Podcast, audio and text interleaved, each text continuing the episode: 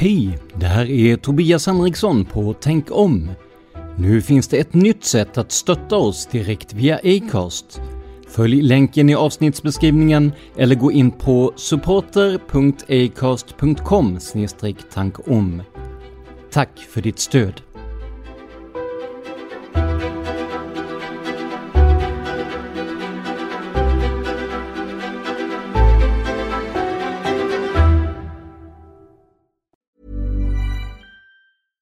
Catch yourself eating the same flavorless dinner three days in a row? Dreaming of something better? Well, HelloFresh is your guilt-free dream come true, baby. It's me, Kiki Palmer. Let's wake up those taste buds with hot, juicy pecan-crusted chicken or garlic butter shrimp scampi. Mm. Hello Fresh. Stop dreaming of all the delicious possibilities and dig in at HelloFresh.com. Let's get this dinner party started. When you're ready to pop the question, the last thing you want to do is second guess the ring. At Bluenile.com, you can design a one of a kind ring with the ease and convenience of shopping online. Choose your diamond and setting. When you find the one, you'll get it delivered right to your door. Go to Bluenile.com and use promo code LISTEN to get $50 off your purchase of $500 or more. That's code LISTEN at Bluenile.com for $50 off your purchase. Bluenile.com code LISTEN. Hey, it's Ryan Reynolds, and I'm here with Keith, co star of my upcoming film, If, only in theaters, May 17th. Do you want to tell people the big news?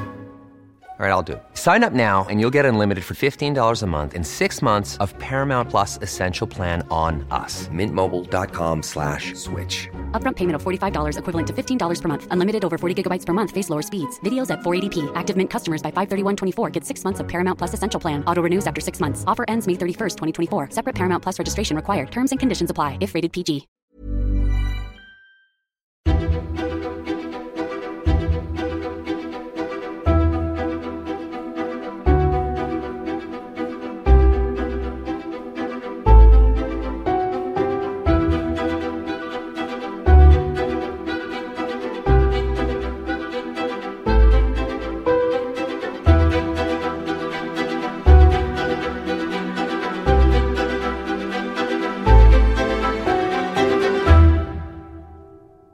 Välkomna till Tänk om, en podcast som granskar konspirationsteorier och myter.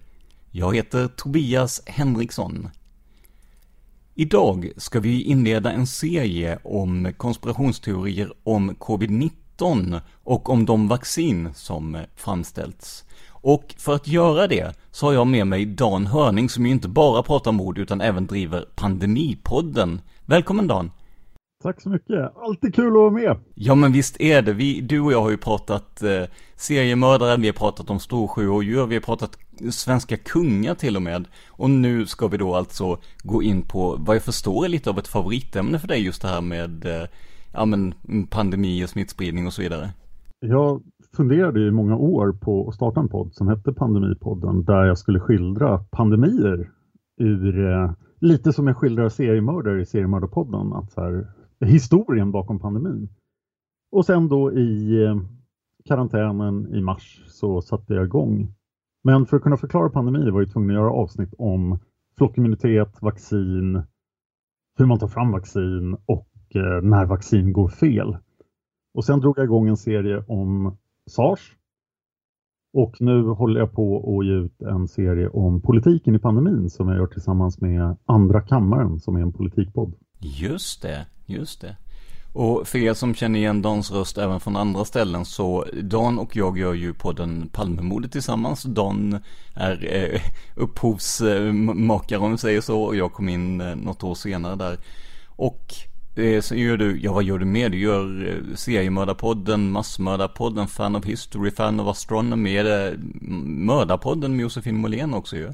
Det stämmer. Hardnord Café, Isfolket-podden, Gympodden. Jag, jag, gör 14 poddar. 14 poddar.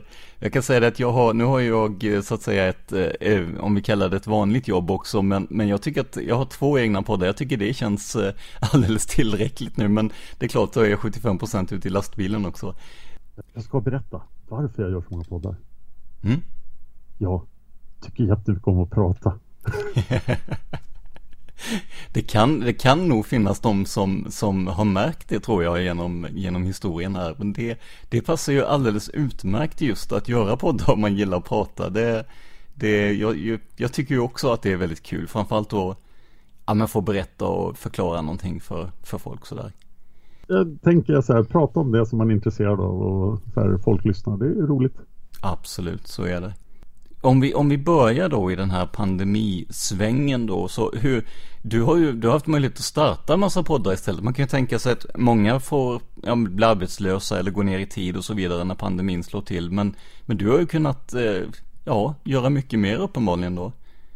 Ja, det här var ju väldigt pandemianpassat eh, mitt yrke. Så att, att jag råkade vara heltidspoddare när pandemin bröt ut var enorm tur. Och jag, jag förstår verkligen att jag är, extremt privilegierad i den positionen. Att jag inte hade något kontor jag var tvungen att gå till. Och eh, jag har en hemmastudio och, och sådär. Så, så det, det var ju väldigt lätt att bara fortsätta jobba. Men jag tänkte det för att i, i mitt, eh, framförallt i Facebookflödet då, jag har ju vänner från alla politiska håll och eh, alla, ja men oavsett om man är konspiratoriskt lagd eller mer eh, eh vetenskapligt lagd så att säga då. Och då dyker det ju upp en hel del just vad gäller eh, framförallt covid och vaccinet här. Så jag tänkte att jag har samlat några av de, de eh, myterna eller påståendena här så ska vi se om vi kan komma fram till eh, om de stämmer eller inte helt enkelt. Det blir en liten uppföljare till ditt tidigare avsnitt helt enkelt. Ja men precis, och det gjordes ju i, i, i starten eller i alla fall ganska tidigt in i pandemin. Det var då vi oroade oss över att det inte skulle finnas toapapper kvar på hyllorna. Så att eh, det, det här blir liksom, nu har vi ändå någon form av, inte facit, men vi har lite mer vetskap i alla fall. Och då tänkte jag i, och med att du gör Pandemipodden eh, och har bra koll på det här så, eh, nej då måste vi språkas helt enkelt. Jag måste inflika där att jag, jag har ju verkligen ingen som helst utbildning här. Jag är en civilingenjör i datateknik. Men jag har läst på ganska mycket om eh, pandemin och vaccin. Ja, precis. Och det, det, det är bra att du säger det för att eh, så är det ju. Det är inte så att vi sitter med en läkare eller någon från Folkhälsomyndigheten eller sådär. Vi hoppas kunna göra det sen. Men eh, jag känner ju att det, det, det är ändå vettigt att, att prata och kanske till och med resonera lite kring det och varför de här sakerna uppstår. Jag menar, du är heller inte främmande för eh, myter och konspirationsteorier med tanke på att du jobbar med Palmemordet. Du och jag har pratat om det tidigare och sådär. Så jag känner ändå att det blir, det blir ett bra, bra grepp känner jag. Ja, det här med att göra eh, en podd om myter och konspirationer och vad som finns bakom dem, det var ju en idé jag hade men du hann först. Så det är en ära att få vara med här. Ja, ja, ja, du ser. Jo, nej men det är jag och det var ju faktiskt, den, den historien har vi ju dratt redan, men det var eh, en, ett eh, segment i Palmemordet som heter Mytmosarna, där vi krossade myter i ämnet Palmemordet som fick mig att, att ta det här lite, ja men ta det här lite större greppet på det då. Men om, om, om vi börjar från början då. För att eh, när jag gjorde det förra avsnittet pratades mycket om att eh, covid-19 då skulle ha skapats i ett labb i Kina och antingen spridits medvetet eller att det skulle ha så att säga smittit från det. Vad, vad, vad vet man om det idag? Ja, det har ju var, förekommit några ganska allvarliga anklagelser, främst från eh, brittiska underrättelsetjänsten om att eh, eh institutet i Wuhan där ju någon av den mest framstående virusforskningen i världen görs, att de inte helt har talat sanning om vad som hände i Wuhan. Eh, och man har också hittat, eh, det verkar som att viruset har funnits tidigare, att det fanns tidigare under 2019, men att det kanske då, det här, den här historien är verkligen inte färdig än för att vi har inte alla fakta. Men att viruset muterade i Wuhan och blev farligare. Och det var då pandemin bröt ut. Jag gjorde min serie om SARS så slutade jag 2017 i Wuhan. När just eh, den här eh, den berömda fladdermuskvinnan, hon forskaren i Wuhan, säger att vi måste forska i coronavirus för snart kommer det bryta ut en pandemi. Liksom, det var en tidsfråga, vi måste göra det här. Och eh, så, så kom det också bli då. Men, men, men de här uppgifterna, skulle det röra sig om slarv eller skulle det röra sig om någon form av ja, jag vet inte, medveten handling som vissa tror. Jag tror ju inte att Kina skulle ha nytta av att släppa ut ett virus som är så här pass farligt. Den bästa konspirationsteorin jag har hört det är att de hade en massa döda fladdermus från virusexperiment då i Wuhan och sen var det någon som förmodligen då olovligen kom över de här fladdermössen och sålde dem till marknaden. Men det är som sagt bara ett rykte. Spännande, spännande. För att eh, när jag gjorde det, det, så att säga inledande avsnittet om det här så konstaterade vi ju att eh, ja men Kina förnekar ju att någonting sånt här skulle ha hänt då. Att viruset är labbskapat eller att de har råkat släppa ut det då. Men sen vet vi också att Kina är ju en, en ganska ja men totalitära, de bestämmer vad som ska komma ut till omvärlden och så vidare. Så att det har ändå blivit en, en diskussion kring det här på, ja men framförallt då givetvis på sociala medier där, där man är sin egen publicist numera ju. Ja, precis när vi spelar in där så är ju faktiskt en eh, delegation från WHO i Wuhan och håller på att grotta i det här. Men det, det, känns ju som, jag förstår var de här konspirationsteorierna kommer ifrån, för det känns ju ganska märkligt att ett av världens ledande forskningsinstitut som har med virus att göra ligger precis i närheten, i samma stad där utbrottet började. Det är faktiskt sant. Eh, Kina säger ju att eh, Wuhans virologiska institut har samma skyddssystem och säkerhetsklass som de större europeiska och amerikanska labben, men det är klart att, ja, det ligger väl i deras intresse att säga det också givetvis när hela världens blickar riktades mot dem.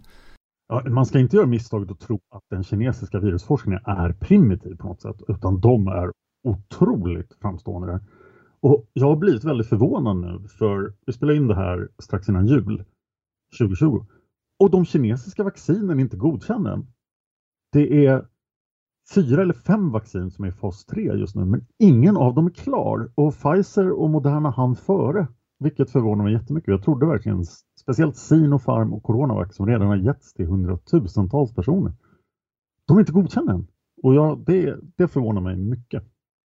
Hur, hur farlig är eh, covid-19 och SARS-CoV-2? För att det är många som säger att den, den i sig inte är farligare än en vanlig eh, säsongsinfluensa eller en vanlig, ja, kraftig förkylning. Saker med säsongsinfluensan är vi oftast lyckas vaccinera mot den. Och det, det dör ganska mycket folk i influensan varje år över världen. Men det är ändå det är de svagaste och det finns vaccin och de flesta år så lyckas vaccinet vara korrekt. Och egentligen är det i princip en gissning som WHO gör. Vilka influensavirus kommer att vara heta i år nu blandar vi en cocktail mot dem och de åren det går fel så är det ganska dåligt.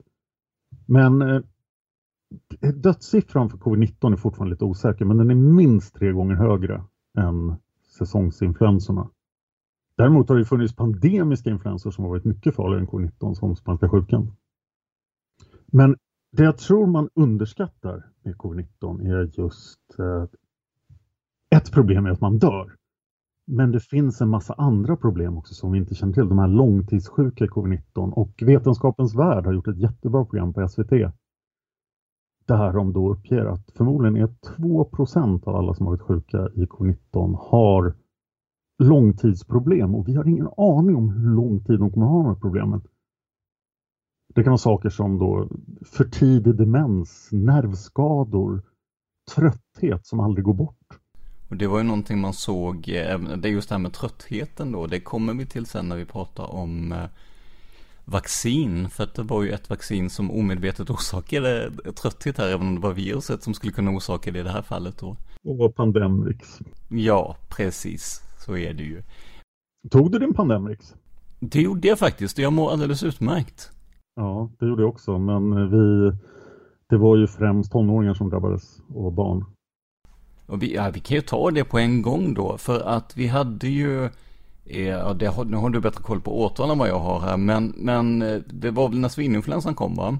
Eh, ja, svininfluensan kom 2009 och vi var beredda. Vi var jätteberedda på en influensapandemi. Så vi hade en deal, Sverige alltså, en överenskommelse med GlaxoSmithKline att de skulle göra massor av vaccin till Sverige. Och infrastrukturen för att bygga influensavaccin fanns redan. Det är det, det är det som har varit problemet eh, med covid-19-vaccinet. Att det finns ingen, ja, det finns inga fabriker som är byggda för det här vaccinet. Men influensavaccinfabriker fanns 2009. Så att det här fast-trackades då, man, liksom, vi ska ha ett vaccin jättefort. Och när man kom till fas 3, som är den sista testfasen då på vaccin, då gick det lite fort med svininfluensan. Och Pandemrix-vaccinet då, det som kom till Sverige. Och den här då tidigare helt okända bieffekten narkolepsi dök upp, vilket också är en, eh, en känd effekt av svininfluensa. Men det här var ingen som någon hade sett och om jag är rätt informerad så var det 5000 personer i fas 3-testerna för Pandemrix. Och den siffran är värd att komma ihåg när vi kommer till covid-19-vaccinen. Sen måste man, ju, måste man ju vara medveten om att massor av människor inte dog i svininfluensan. För vi, hade, vi fick inte den andra vågen. Den andra vågen dödade ganska mycket folk globalt. Det råder väldigt delade meningar om, om hur många. Jag tror den största siffran är ungefär 750 000. Men vi fick ingen andra våg här i Sverige utan vi var ju vaccinerade så att vi klarade oss. Jag bara tänkte, vi pratade ju eh, nyss då om det här med huruvida covid som sådan är farligare än en vanlig influensa. Det finns också en ganska utbredd kritik mot att, att media och myndigheter blåser upp farligheten med, eh, med covid. Men eh, jag misstänker att du inte håller med om det. Nej, faran med en, ett pandemiskt virus är just att tillväxten är exponentiell och att den, den avancerar så fort och den skördar då en viss procent av alla människor som får den. Vi försökte skydda riskgrupperna, det gick inte så bra och nu har väldigt många människor dött. Det är redan nu den värsta pandemin eh, på hundra år då, sen spanska sjukan. Om, om man tittar på andra vaccin och sånt som har tagit eh, ibland liksom, det känns som det har tagit 8-10-tals år att ta fram och här får man fram ett, eh, ett vaccin eller till och med flera olika eh, vaccin från olika bolag då som ska eh, hjälpa mot covid-19 helt enkelt, vaccinera mot covid-19. Hur, hur, hur vet man att ett vaccin som tas fram så snabbt överhuvudtaget är säkert? Det är ju hela idén med den här testningsprocessen. Och det som hände med Pandemrix var just att det var 5000 personer i fas 3.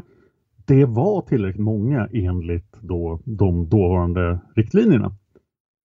Men de här covid-19-vaccinen, de har testats på betydligt fler. Jag tror siffran för Pfizer är 42 000. Och anledningen att det har kunnat tas fram så fort är att de här vaccinbolagen har ju fått enorma resurser. Vi har aldrig sett så här mycket resurser läggas på vaccin någonsin. Men det som har tagit tid och kanske anledningen till att kineserna inte är klara med sina vaccin är att du måste ha sjukdomen i befolkningen för att kunna göra fas 3-testerna. För du har en kontrollgrupp, typ hälften, som får placebo, alltså ett verkningslöst ämne. Och hälften får vaccinet. Och så jämför du så här, ja, fick de, fick de covid-19 eller inte? Men i Kina så finns det ingen samhällsspridning, eller i alla fall väldigt liten, av covid-19. Så att de har varit tvungna att testa då i andra länder som Förenade Arabemiraten och Pakistan. Och det har gjort att det har tagit längre tid. Men i det här fallet då så har man påskyndat hela processen när det har gått, men testerna måste fortfarande ta den tid de tar. Men sen har vi tur att SARS-CoV-2 är, ett, eh, är ganska dåligt på att mutera. När, vi har ju hört att så här, nej, nu har viruset muterat, nej, nu har det muterat. Men det muterar väldigt lite. Så det är ganska lätt att bekämpa SARS-CoV-2 med ett vaccin och det gäller de flesta coronavirus. Men vi har, det enda vaccin vi har gjort mot coronavirus tidigare har varit mot hund och katt-corona. Och det var ju då AstraZeneca och Oxford inblandade i, så de hade ett försprång här. Men nu är de, när vi, när vi spelar in det här är AstraZeneca inte klara med sitt vaccin, medan Pfizer och Moderna är det. Vi pratade som sagt om vaccinet mot eh, svininfluensan och eh, eh, där hade den ju verkligen riktigt elaka biverkningar. Vad, vad, vad har du hört vad gäller eh, biverkningarna för ehm, eh, covid-19-vaccin? För när vi spelar in där så har man ju börjat vaccinera bland annat i Storbritannien. Ja, USA, Kanada och i Ryssland. Vi får inte glömma Sputnik V som ju delas ut. Oliver Stone, eh, filmkungen, han har tagit Sputnik V. Han var i Ryssland och filmade. Och så erbjuder honom ta lite Sputnik V. Han bara, ja varför inte? Hur, hur, apropå det, vet man någonting om hur, eh, hur säkert det vaccinet skulle vara jämfört med de, de i västländerna så att säga? Om man frågar Putin så är det ett jättebra vaccin. Men det är några brittiska professorer som har varit där och granskat det och det verkar fungera. Men eh, det finns en viss misstro mot vaccinet. Jag tittade till exempel på Egyptens upphandling av vaccin.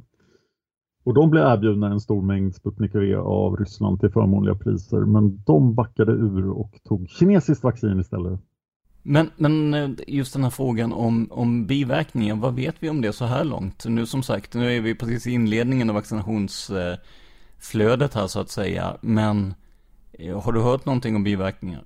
Den här informationen kommer ju att bli eh, utdaterad väldigt fort, men i princip alla vaccin man tar ger ju biverkningar så att man, man mår inte bra av att ta vaccin. Men ja, massa lätta illamåenden, det gör ont, ledvärk, lite yr. Man, kan, man kanske måste stanna hemma från jobbet en dag i värsta fall.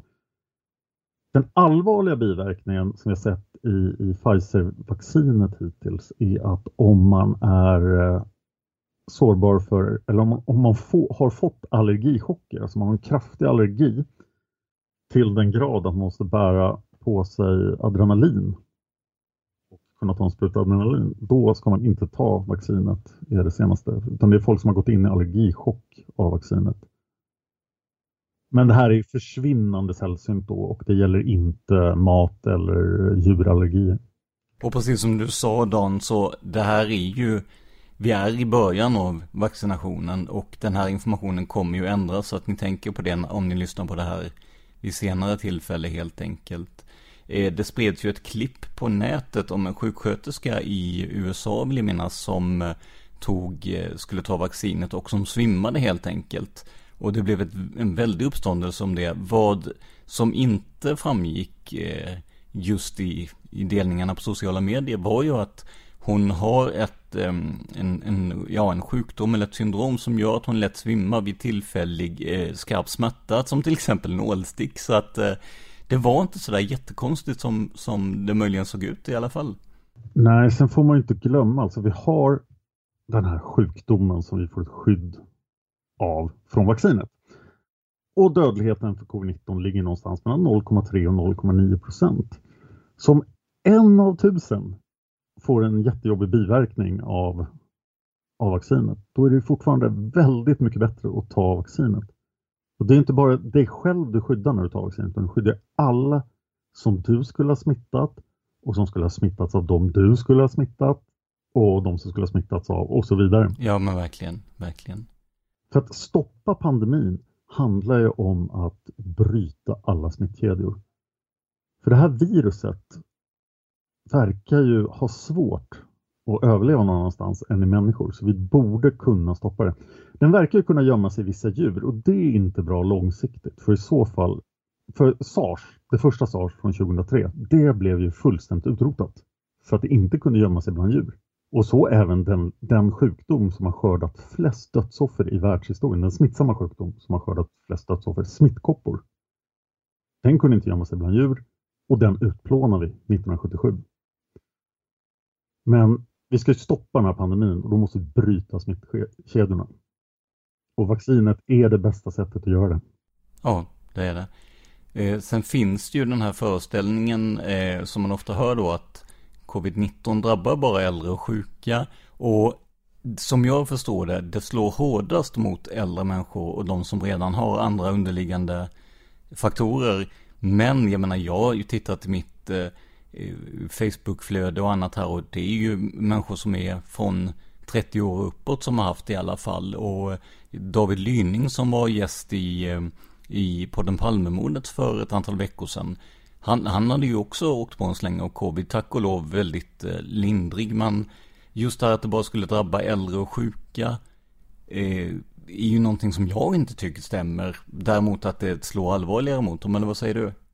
Ja, det har ju mycket större chans att drabba äldre, speciellt äldre. Ålder är den största riskfaktorn. Men då måste man komma ihåg också, det är inte bara din ålder som spelar roll, utan åldern på alla de du skulle ha smittat om du inte hade tagit vaccinet. Så det är det här exponentialiteten igen. Att det är inte bara du, utan det är alla i smittkedjan bakom dig som du måste skydda. If you thought the only way to get a more defined jawline with natural looking results was through surgery, think again. Juvederm Volux XC is a non surgical injectable gel filler that improves moderate to severe loss of jawline definition and can help you achieve natural looking results with little downtime. Even better, this improved definition lasts up to one year with optimal treatment. No maintenance required. Improve jawline definition for a smooth, sculpted look with Juvederm Volux XC. For important safety information and to find a licensed specialist, visit juvederm.com. That's J U V E D E R M.com. Not for people with severe allergic reactions, allergies to lidocaine, or the proteins used in Juvederm. Common side effects include injection site redness, swelling, pain, tenderness, firmness, lumps, bumps, bruising, discoloration, or itching. There's a risk of unintentional injection into a blood vessel, which can cause vision abnormalities, blindness, stroke, temporary scabs, or scarring. Talk to a licensed specialist to find out if it's right for you.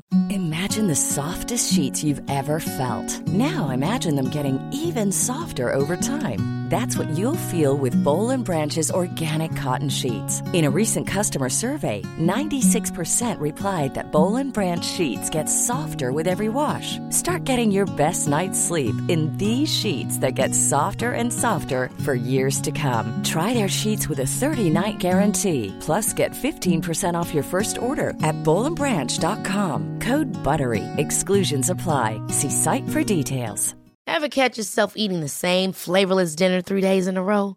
Dreaming of something better? Well, HelloFresh is your guilt-free dream come true, baby. It's me, Kiki Palmer.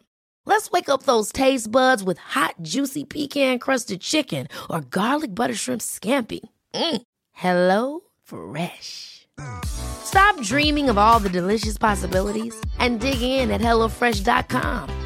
Let's get this dinner party started.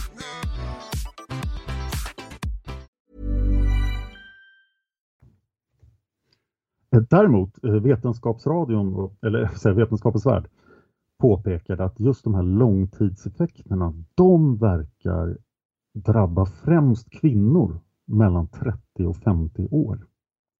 Och de vet vi ju fortfarande försvinnande lite om. Så min personliga rekommendation är att ingen bör få covid-19. Vi vet inte vad den här sjukdomen gör fortfarande. Och där har det ju varit också en, framförallt kanske i början av pandemin, när man inte riktigt visste hur allvarligt det här var då.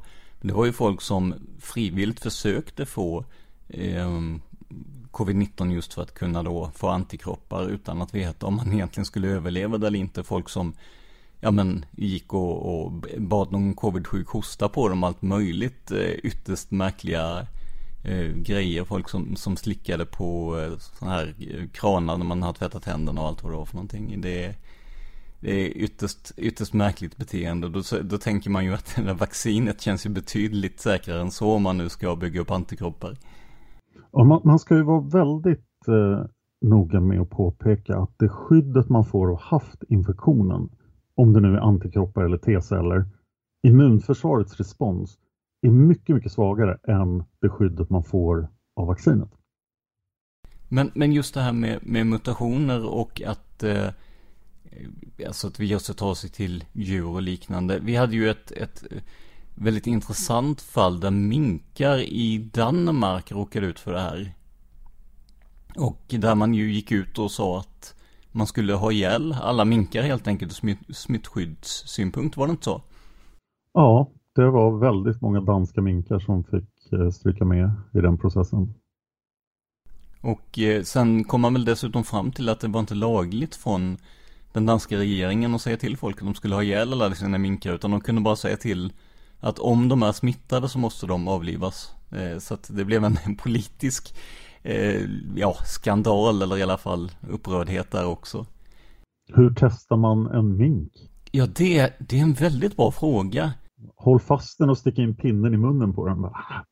Ja, det låter jättejobbigt alltså. Men det, jag har för mig att det var något sånt med eh, som just det att de, de, jag vet i alla fall att de hade inte rätt att säga till alla att ha ihjäl sina minkar. Men det som är, jag vet inte, någonting som är väldigt symptomatiskt för år 2020 sen då, det var ju att när de här minkarna grävdes ner så grävdes de dels, ja men som jag förstod det, för tätt och med för lite jord ovanför sig helt enkelt. Så att det började tränga upp, det man kallade för zombieminkar, det vill säga minkkadaver, började tränga upp ur marken då eh, i, i Danmark, något som eh, väckte uppmärksamhet till och med i USA, där man skrev att zombieminkarna invaderar Danmark.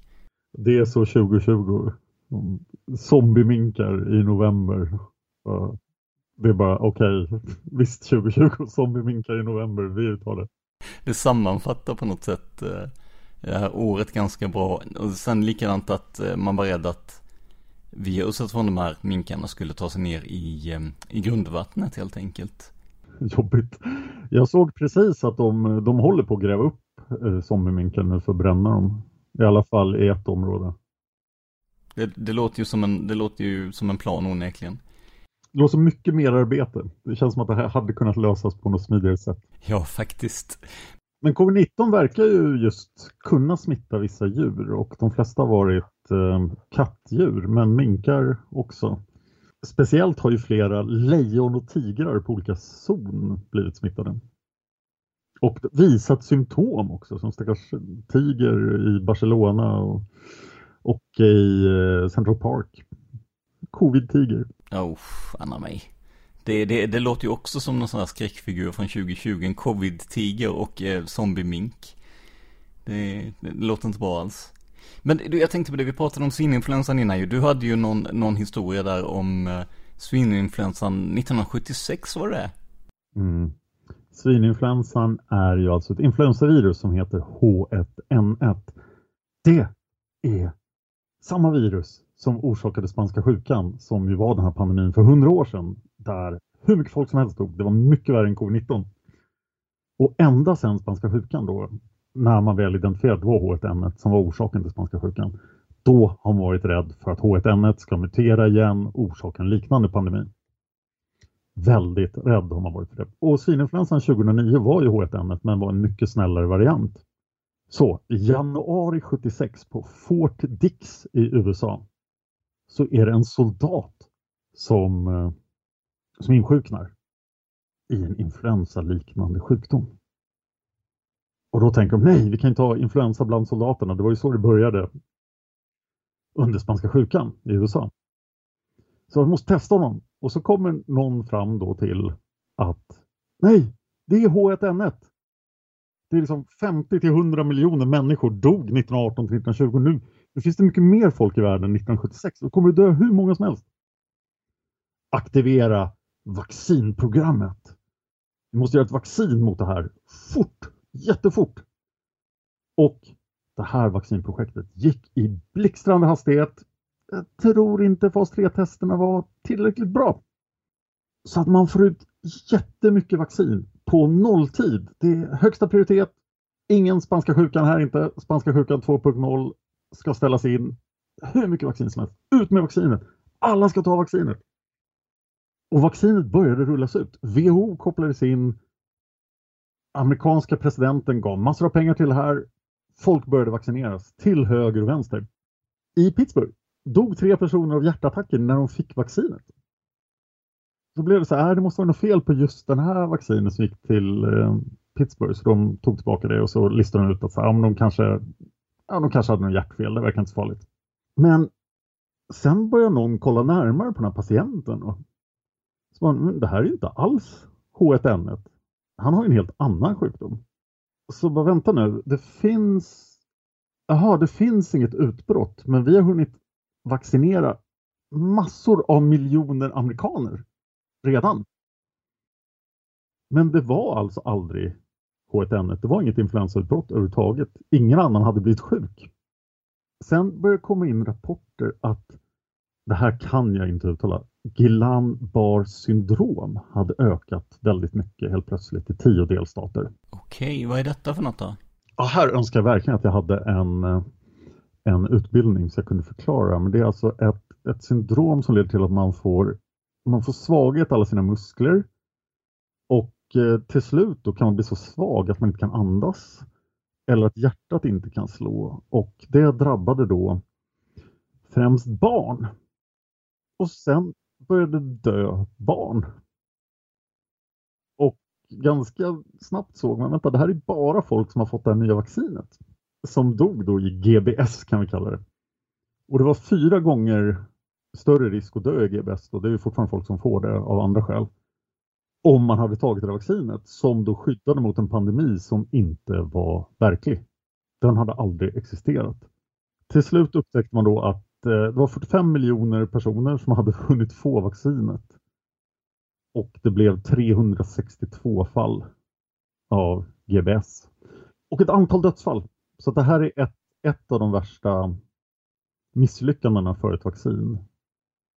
Men det stora misslyckat var ju att sjukdomen inte fanns.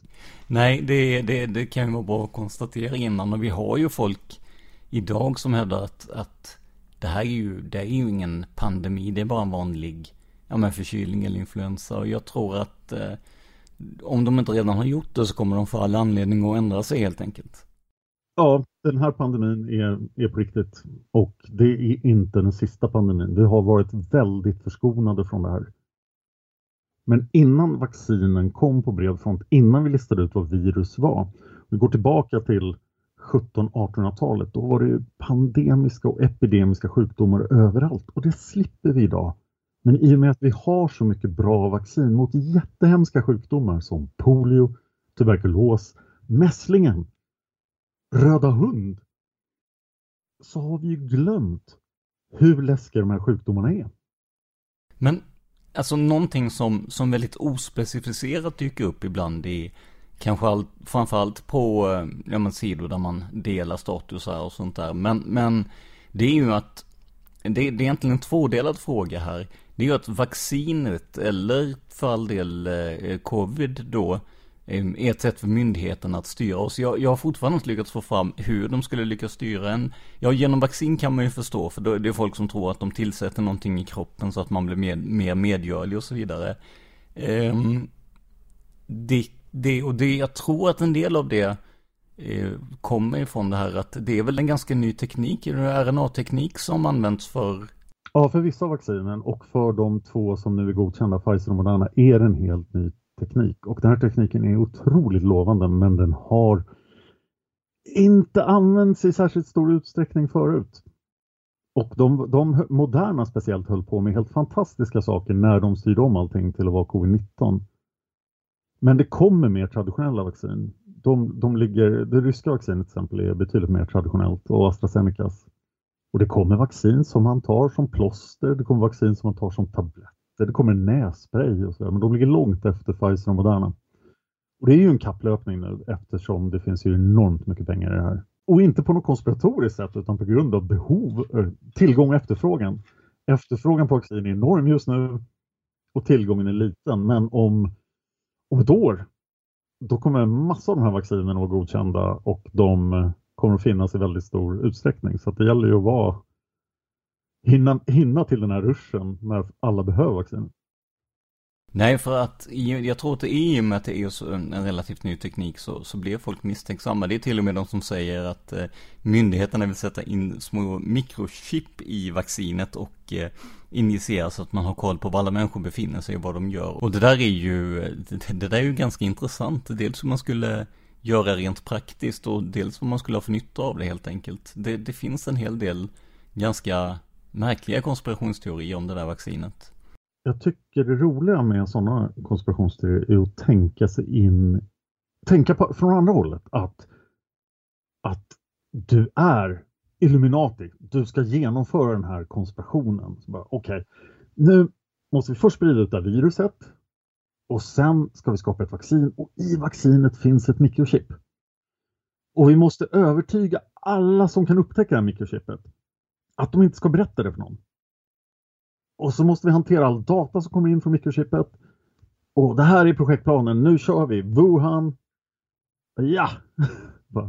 ut, på, ut med lite fladdermöss på marknaden. Go! Det borde finnas lättare sätt helt enkelt om man nu skulle vilja styra en befolkning. Ja, jag tror man ska vara mer orolig för då, om, om vi tänker på Kina, så här mobilspårning och ansiktsigenkänning och liknande. Verkligen. Och det är ju ett ämne som, eh, som vi säkert har anledning att återkomma till. Vi har ju Facebook som eh, sägs eh, titta lite extra på oss ibland och Vi har ju ett, ett socialt kreditsystem kallas det väl i Kina med hjälp av bland annat ansiktsigenkänning då som man har börjat slussa ut så smått. Så att det där tror jag nog, det kanske till och med är så att du och jag kan sitta och prata lite om det i och med att du har en bakgrund i, i teknikbranschen tänker jag. Ja, det är nog en mycket läskigare konspirationsteori mm. än att det skulle finnas ett chip i vaccinet. Det tror jag också, absolut. Jag kan lägga till en grej. Om du lyssnar på avsnitt i framtiden när covid-19-pandemin är över, kom ihåg att det hände. För vi har haft enorma problem att hantera pandemin just för att ingen idag, speciellt i Sverige, i livet som kommer ihåg spanska sjukan. Och vi var ju inte alls beredda på det här trots att det fanns nästan ingenting som sa att det inte skulle komma en pandemi. Pandemier har funnits med oss sedan vi slutade vara jägare samlare. Och det är bara en tidsfråga till nästa pandemi kommer så vi måste vara beredda på ett helt annat sätt än vad vi var i år, 2020. Kloka ord där. Vi kommer som sagt att eh, följa upp det här med just framförallt vaccinmotstånd och eh, ja, men försöka och, och hålla oss någorlunda ajour så gott det går här. Om, om jag får skrämma upp folk lite. Ja, men gör det.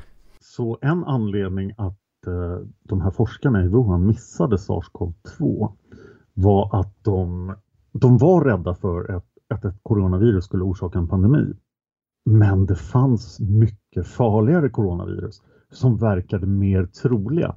Så att de hittade den här förfadern till SARS-CoV-2 då, och de avskrev den. För de sa nej, vi måste koncentrera oss på det här. Och ett av virusen som de koncentrerade sig på eh, hade redan hoppat från fladdermöss till grisar. Och det här viruset tänkte de, det här skulle vara ganska dåligt om det blev pandemiskt. För det som händer när man får det här viruset och är en gris då, eftersom det inte hoppar till människan, är att man helt enkelt får en mardrömsdiarré där man i princip blir av med hela sitt innanmäte i diarréform och den är 90% dödlig. Vi, vi har ännu inte sett en blödarfeber som ebola eller den här då gå pandemiskt. Och det är nog ja, någonting som skulle vara extremt mycket värre än covid-19. Men om man vill höra mer om just pandemier och inte bara just covid-19 utan alla möjliga eh, både historiska och nuvarande så Pandemipodden är ju ett superbra eh, superbra podd att lyssna på. Då. Men vad, va, va, va hittar man Pandemipodden som det är nu? Den borde man hitta på alla ställen där man kan hitta Tänk om. Men vi håller, vårt hem är ju Acast i båda fallen. Är, är det någon av de andra poddarna som där, där, du har någonting eller något annat som du vill liksom puffa lite extra för här innan vi avrundar? Ja, om ni gillar mordmysterier så har jag en podd som heter Olösta mord. Där vi tar upp olösta mord och försvinnanden. Och det är bara mysterier. Och de får aldrig någon lösning. Nej, så är det. Och det, det måste jag säga, det är en av de poddarna som, som rullar när jag är på mitt andra jobb, det vill säga när jag är ute och kör lastbil. Så är Olösta mord rullar och Mördarpodden som du gör med Josefin Molén rullar där också. Så att, eh, nej, det, det är ett riktigt bra, mm, riktigt bra förslag och väldigt, väldigt, ja men väldigt spännande helt enkelt. Rekommenderas varmt. Under januari 2021 så kommer jag att publicera en serie olösta mord som handlar om ett ganska känt svenskt olöst mord. Där jag har fått hjälp av tre manusförfattare som har studerat det här fallet i tio år och förmodligen de som kan absolut mest om fallet i hela Sverige. Så då ska vi verkligen gå på djupet. Det är nästan lite som Palmemordet fast där har vi gjort 260 avsnitt. Så att... Härligt. Och eh, nu ska vi se, du finns på Twitter och Instagram också som Dan Horning har jag för mig va? Ja, det är bara att söka på mig. Jag heter Dan Hörning och det är ingen annan som gör. Det finns en kille i Tyskland, en amerikan som heter Dan Horning. Så att eh, han har snott ungefär hälften av alla sociala medier som Dan Horning och jag har den andra hälften.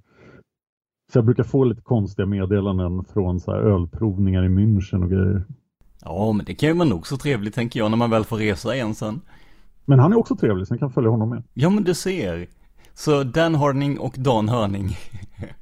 Ja, han är också bättre på att sjunga med det tror jag. Ja, men du ser. Det, det, Du, du är bra på mycket, men jag har inte hört dig sjunga dock, men... men eh, det ska du vara väldigt glad för. Det. Jag tycker vi tar och avrundar där helt enkelt. Stort tack Dan för att du ställde upp återigen och eh, ja, både upplyste och eh, förgyllde avsnittet här. Så hoppas jag att vi hörs snart igen helt enkelt. Vi har fortfarande lite storsjöodjur och vi hittar säkert fler ämnen som vi kan sitta och prata om här. Det är alltid ett nöje och eh, om det är någon där ute som vet någonting om storsjödjuret som vi inte har tagit upp, då vill vi veta det så vi kan göra fler avsnitt om det. Precis, det blir alldeles utmärkt. Tack och hej! Hej då!